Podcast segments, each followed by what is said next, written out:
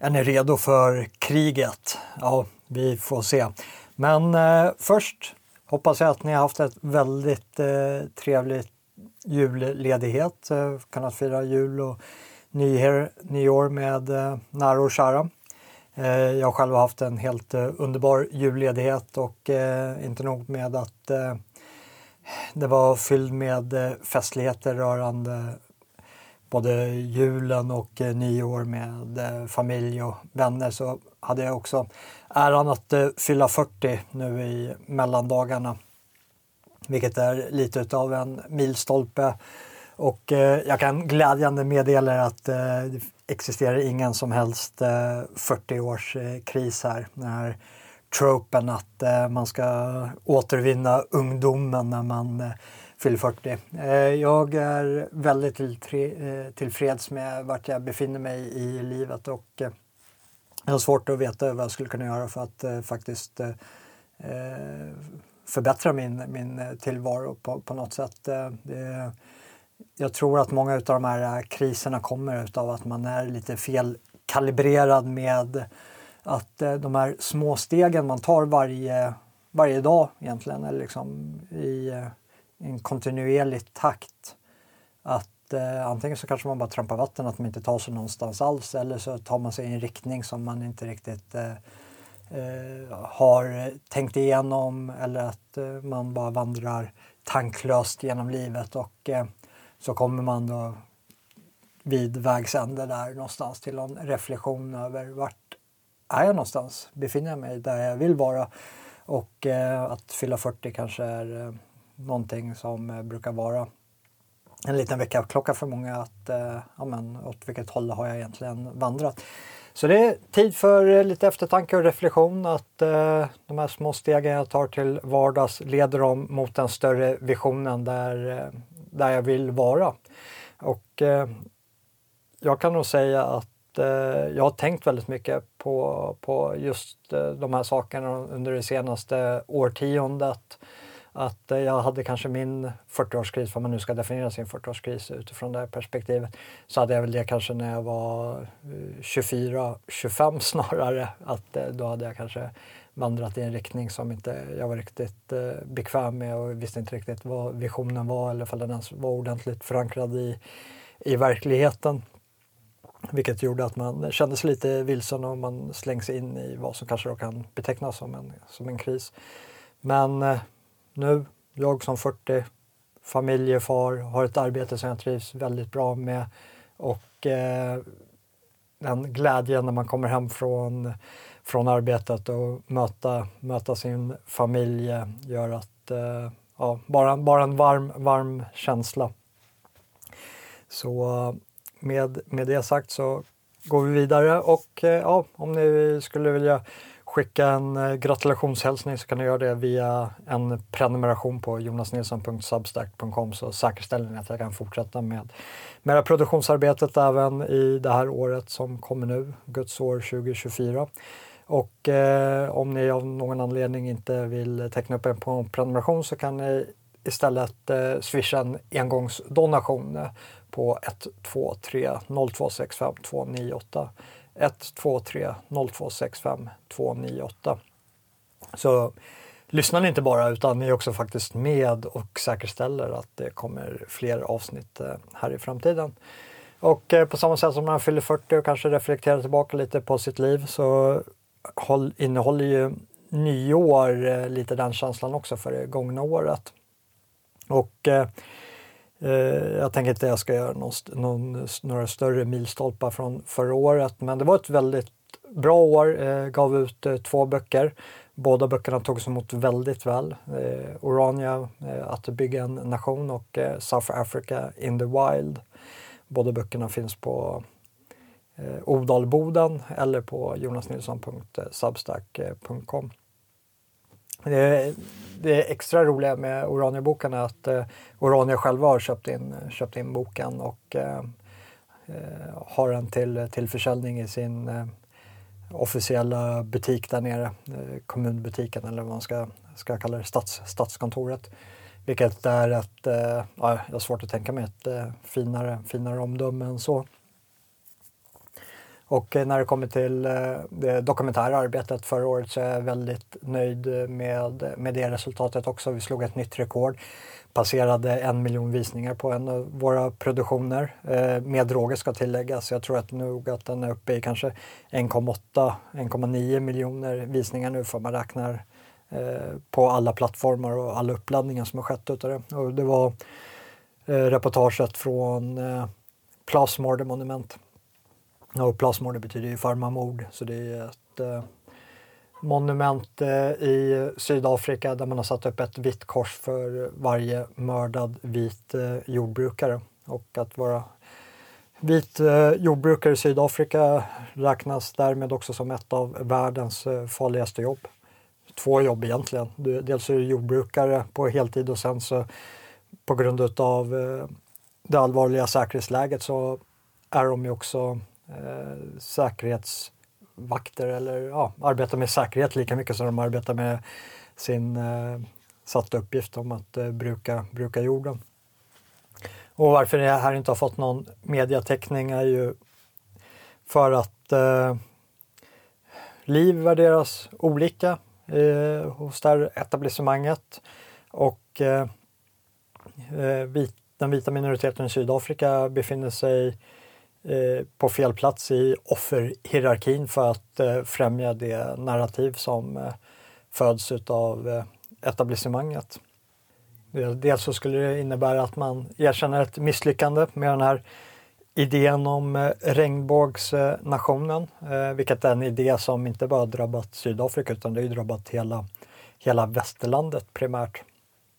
Eller nästan uteslutande bara västerlandet. Bara de vita, vita länderna. Med eh, syftet att luckra upp vår nationella suveränitet så vi lättare kan knytas upp eh, in i något eh, globalistiskt mega, megaprojekt. Och eh, länder då som saknar en stark homogen befolkning kan inte stanna till på samma sätt som en mångkulturell nation med att ställa sig frågan, ligger det här i vårt intresse? För det finns inget definierat vårt inom en, eh, inom en mångkultur.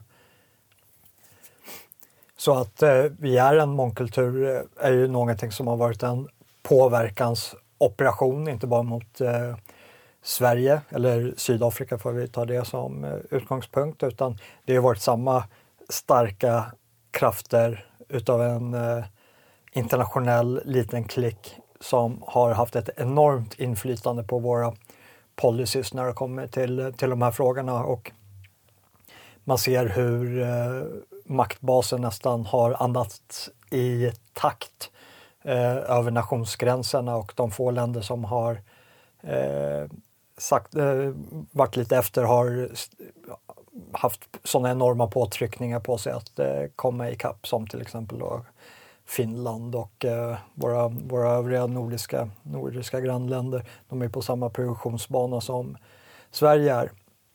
Och eh, det är ju hela vårt et politiska etablissemang, och inte bara politiska etablissemang, hela vårt mediala etablissemang, hela det etablissemanget som eh, påverkar samhällsinriktningen som har drivit på det här utav en eller annan anledning. Och eh, det finns ingen åtskillnad att göra här mellan det socialdemokratiska eller det moderata utifrån vilka som har varit i regeringsställning eller i opposition utan vi, vi har gått och röstat eh, var fjärde år oavsett vad, vad vi har röstat på så har vi fått mer utav eh, den här mångkulturen som inte är efterfrågat av folket utan som är ett renodlat elitprojekt. Och eh, nu eh, under de senaste åren så har vi även sett hur den här politiken har breddats utifrån att gå emot eh, folkets intresse, inte bara rörande när det kommer till invandringspolitiken utan när det kommer till jordbrukspolitiken, energipolitiken, klimatpolitiken.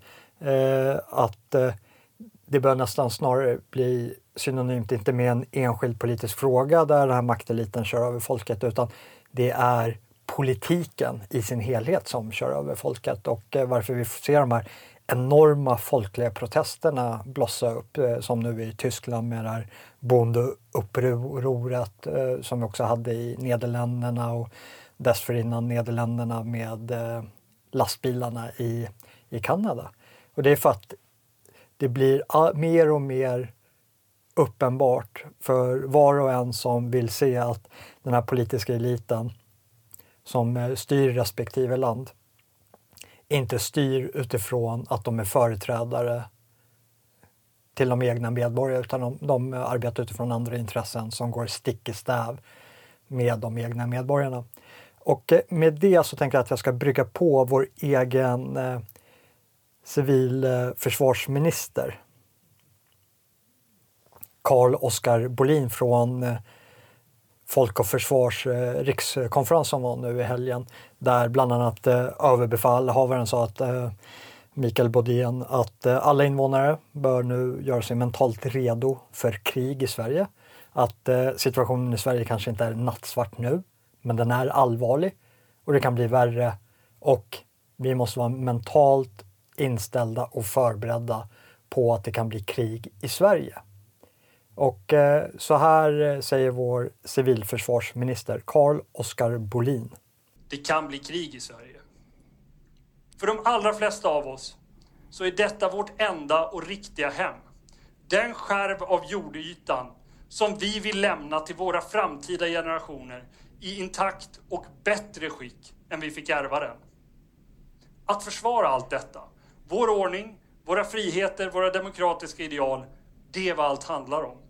Och i denna insikt behöver vi alla nu växa under uppgiftens allvar. Lyssna på Karl Oskar, vår civilförsvarsminister, och ta in de orden som han säger. Att ambitionen är att vi ska lämna efter oss ett bättre land till våra efterkommande än vad vi själva erhöll. Carl-Oskar Bolin kommer från etablissemanget. Han kommer från Moderaterna, det spelar ingen roll om han hade kommit från Socialdemokraterna, det är samma sak i det här avseendet. Och ta det han säger och applicera inom något annat politiskt fält och fråga sig, gör den utvärderingen utifrån den premissen. Och det spelar ingen roll om vi kollar på invandringspolitiken eller energipolitiken eller klimathysterin som eh, målas upp. Alla de här eh, politiska frågorna som, är, som globalisterna älskar att eh, arbeta med för att de är gränslösa i sin natur vilket innebär att vi behöver gränslösa lösningar på de här vilket innebär eh, att eh, vi avskriver oss ännu mer av vår nationella suveränitet för att frågorna måste lösas ännu högre upp.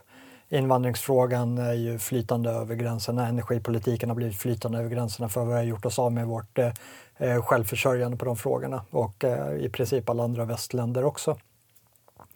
Och det här har ju varit eh, uttalat. För eh, kollar man på de här mega eh, institutionerna som till exempel Europeiska unionen och hur de har aspirerat. Eh, Och med aspirerat ska inte ses som att det är deras faktiska mål utan förevändningen till dess existens. Att aspirera på att eliminera eh, risken för krigsutbrott över att eh, vi ska vara beroende av varandras eh, genom till exempel handel. Och eh, genom att eh, säkerställa ett eh, ömsesidigt beroende så kommer vi inte kriga med varandra utan vi kommer att eh, samarbeta så det här har ju varit en medveten strategi från partiet som Karl-Oskar själv eh, representerar eller från det etablissemang som han kommer ifrån. Att eh, vi på medvetet plan har gjort oss att det har gått från att vara en nation som mer eller mindre har kunnat vara eh, självförsörjande under stora eh, uppbrott av kris, oförutsedda händelser som skulle slänga in nationen i en kris så skulle vi klara oss själva tack vare våra egna förråd eller utifrån hur jordbrukspolitiken hade skötts att vi är självförsörjande på livsmedel och så vidare. Och allt det här är ju borta och det är borta på grund av att eh, våra politiska företrädare inte har sett till folkets intresse. De har inte sett till vad Bolin själv här säger, att okej, vår ambition är att eh, efterlämna oss ett bättre land i ett bättre skick till våra efterkommande än vad vi själva erhöll. Vi har gett bort hel, all vår frihet till eh, eh, de internationella stora institutionerna för vi inte längre är självförsörjande. Och eh, enda anledningen att han har den här retoriken här är ju för att anspela på en fosterlandskänsla hos den svenska befolkningen till att sluta upp och slåss för den här lilla klickens intresse i händelse av krig.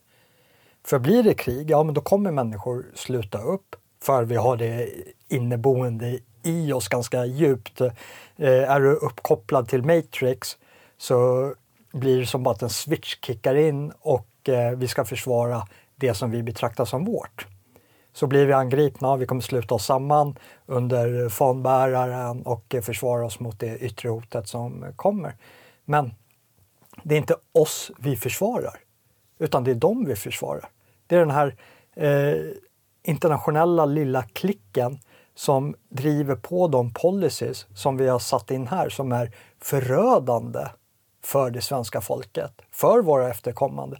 Oavsett om det är energipolitiken, jordbrukspolitiken, fiatvalutan som eh, sätter eh, de efterkommande generationerna i en enorm skuld för att eh, vi röstar för eh, mer eh, socialism och eh, en eh, omfördelningspolitik som innebär i förlängningen att vi belånar kommande generationer för att kunna eh, ta ut eh, pension själva.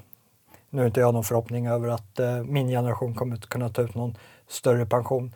Och jag skulle inte vilja ta ut någon pension heller om det var så att det är på bekostnad utav den kommande generationen. Hela Fiat-systemet är ju utformat att eh, utarma det kommande för nuet och berika de som sitter på eh, kontrollmekanismerna över penningflödet. Men det är inte det här som eh, Bolin riktar den här retoriken mot. Utan han riktar den här retoriken, inte för att han tror på det här själv, utan för att anspela på de människor som faktiskt är beredda att slåss för det här. Alltså det är manipulativt. Under de här gångna 40 åren så har du varit patriot om du har trott och levt och andas det Bolin säger här. Att vårt kall är att göra saker och ting bättre för våra efterkommande. Ja, då har du inte varit välkommen i Försvarsmakten. Det var många i min egen kull utav mina vänner som inte fick göra värnplikten på grund av att de lyssnade på fel sorts musik. Och med fel sorts musik så var det fosterlands eh, eh, nationalromantisk musik med till exempel Ultima Thule. Och eh, jag kommer ihåg eh, efter min värnplikt, de som ville läsa vidare till officer, under eh, intervjuerna så var det extrem fokus på det privata förhållningssättet från enskild soldat i förhållande till mångkulturen.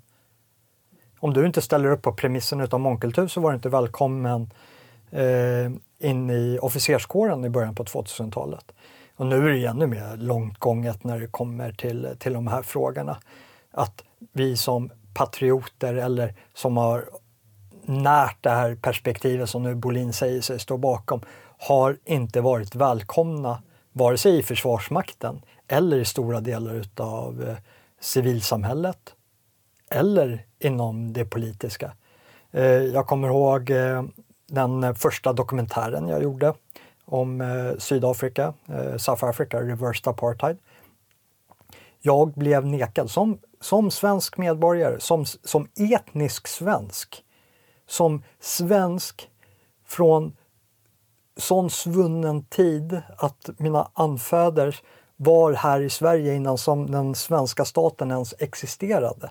Så långt tillbaka sträcker sig mitt släktträd till de småländska skogarna, eller fälten. Och här sitter någon liten kommunpamp och säger att jag inte får hyra den kommunala lokalen för att visa en dokumentär på. För att den då strider mot eh, värdegrunden. Eller eh, det, det visste han ju inte, utan det var jag, jag som person som stred mot eh, värdegrunden. För de hade inte ens eh, sett dokumentären innan de, eh, de nekade mig att eh, hyra den här kommunala lokalen. Så jag är ålagd att eh, betala skatt och med jag så menar jag inte bara, bara jag, mig själv personligen, utan alla vi eh, patrioter som har varit i den här oppositionen under längre tid. Vi har varit utestängda från delar av samhället som vi har varit tvungna att faktiskt betala till. En enorm förnedring. Och nu kommer samma människor och eh, försöker manipulera oss till att slåss för dem. För det är det vi gör om vi ställer upp på den här retoriken och kopplar upp oss till den här matrixen och eh, sätter oss på autopilot att ja, Sverige blir angripet. Ja, men då måste vi gå ihop med de här mångkulturivrarna och eh, eh degenererade politiska makteliten och eh, alla deras eh, lakejer och eh, försvara vad då? Ja, det är inte för svenska intressen som vi skulle slåss, utan det är för eh, maktelitens intressen. Det finns eh, gränser som jag är beredd att försvara, men det är inte de gränserna som Bolin representerar eller vår ÖB representerar. Vi har faktiskt ett ansvar till våra efterkommande. Och bara utifrån det perspektivet, lek med tanken att, eh, för jag håller ju med i sak av mycket av vad Bolin säger när det kommer till att vi måste förbereda oss på lokal nivå, vi måste förbereda oss på individnivå, vi måste förbereda oss i familjen och eh, det lokala samhället för att hantera kriser och det måste vi göra.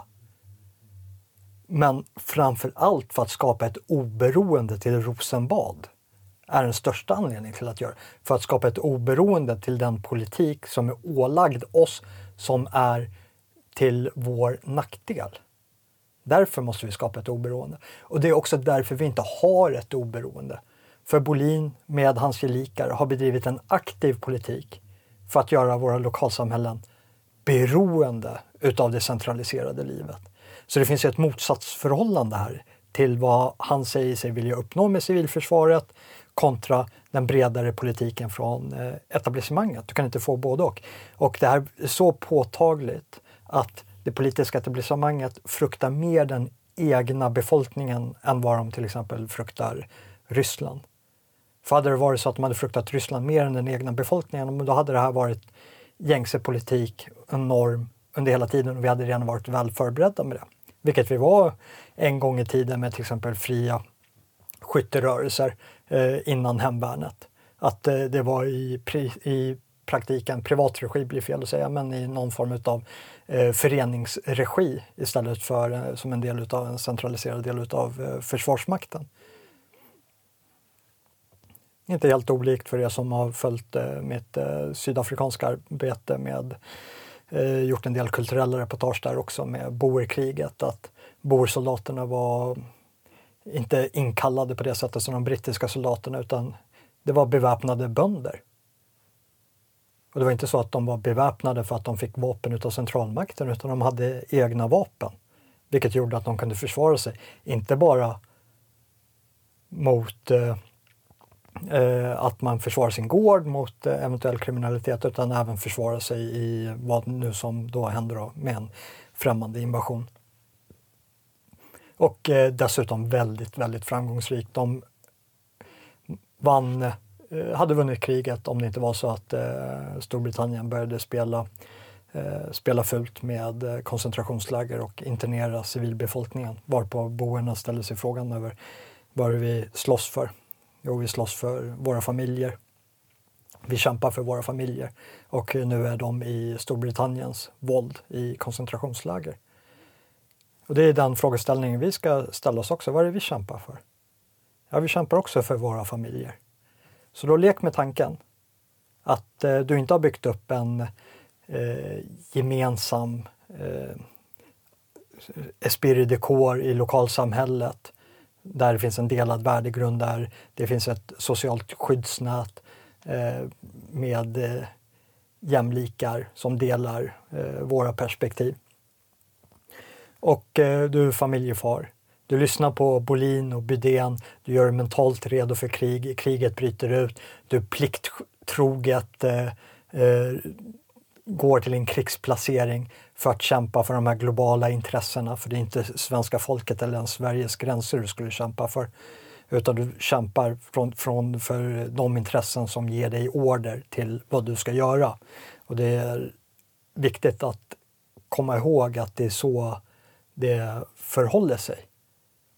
Att eh, man måste hela tiden återgå till, men i vems intresse ligger det här? Varför gör vi det här och vad är det som sägs att som ska uppnås? Och det blir väldigt tydligt att det är en öppen manipulation här eh, för att eh, få oss att känna ut, medelst emotionell utpressning att slåss för andra saker än vad som faktiskt ligger i vårt intresse. Men säg att du köper det här med hull och hår utav Bolin och Bydén och vår statsminister Kristersson som, eh, som kommer ge, ge dig direktiv för vad du, vad du ska göra. Och eh, du lämnar dina barn, du beger dig till fronten och du dör. Och då ska du veta att det är det här samhället som kommer att ta hand om dina barn. Med allt vad det innebär. Det är det här samhället som vi är i opposition mot. Hur tror du det kommer vara för dina barn när du har gått ut och kämpat deras krig? Det är bara att zooma in på det här samhället i en liten miniatyr. Zooma in på en eh, liten svensk eh, förskola eller skola i någon Stockholmsförort. Ja, svensk eller inte annat än till, till namnet. Och se vilket kaos den statliga institutionens kärlek för sitt eget folk är. Det är helt obefintligt. Och det är de här människorna, om du avlider, som kommer ta hand om dina efterkommande. Och tror du på Bolin när han säger att ja, men vår ambition är att vi ska göra det här landet bättre för våra efterkommande? Den enda som kan göra det bättre för våra efterkommande är vi själva gentemot våra efterkommande. Det kan inte läggas på entreprenad till eh, människor som springer andras intressen. Det är bara vi själva som kan göra det. Och då måste man fråga sig, ja men kan jag tillgodose det intresset om jag skriver upp mig i deras krig? Eller kan jag tillgodose min familjs intressen och de familjer i min bredare gemenskaps intressen bättre genom att faktiskt vara närvarande med eh, min familj. Och sen är det viktigt att komma ihåg att eh, de här krigen, de kan undvikas. De kan undvikas genom att vi inte binder upp oss i stora eh, globala samarbetsorganisationer som, eh, som Nato till exempel. De kan undvikas genom att vi värnar vårt eget självförsörjande inom eh, alla dessa aspekter. Det kan värnas genom att vi söker att decentralisera oss och göra oss oberoende utav andras makt och vilja. Och inget utav de här är svensk eh, politik, utan svensk politik är att eh, sparka bollen så långt bort från det svenska folket så att vi inte ens kommer ihåg att det existerar en boll. Och få oss mentalt fängslade till att ens kunna föreställa oss en värld där det inte är någon annan långt, långt borta i Bryssel eller var det än må vara som eh, bestämmer över oss. Ja, och eh, det är väl med de orden som jag känner att eh, jag eh, lämnar det här avsnittet. Lyssna på Folk och Försvar, lyssna på våra överbefälhavare. Se hur eh, de arbetar tillsammans med det politiska etablissemanget, hur de vill förändra värnpliktsåldern till att eh, inrymma ett större spann, hur de vill inkludera kvinnor, tjejer, barn i det, även eh, äldre, höja, höja åldern från på uppsidan. Och eh, vems intresse som det är som vi kommer slåss, slåss i, i händelse av en eh, större kris eller, eller krig. Och eh, fall det är värt att offra sitt liv för någonting som, för dels några som hatar oss utav hela deras hjärta. Det finns ingenting som det här etablissemanget hatar mer än Sverigevänner. Och nu ska de eh, anspela med en patriotisk retorik till att väcka någon form av fosterlandskärlek eller någon form av nationalromantik till att det finns någonting här som är värt att försvara utifrån etablissemangets perspektiv. Och det ser jag inte. Det finns inte några, under några som helst omständigheter att eh, jag sätter på mig en uniform och strider för Kristerssons regering. För det är det man eh, gör för man sätter på sig en uniform i, i dagsdatum.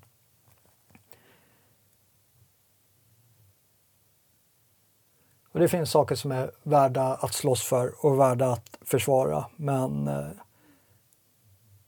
det här samhället, det här systemet är inte ett utav dem. Och eh, med det så lämnar jag det här avsnittet för den här gången. Och eh, gå gärna in på jonasnilsson.substack.com och teckna en eh, prenumeration och så hörs vi till eh, nästa avsnitt.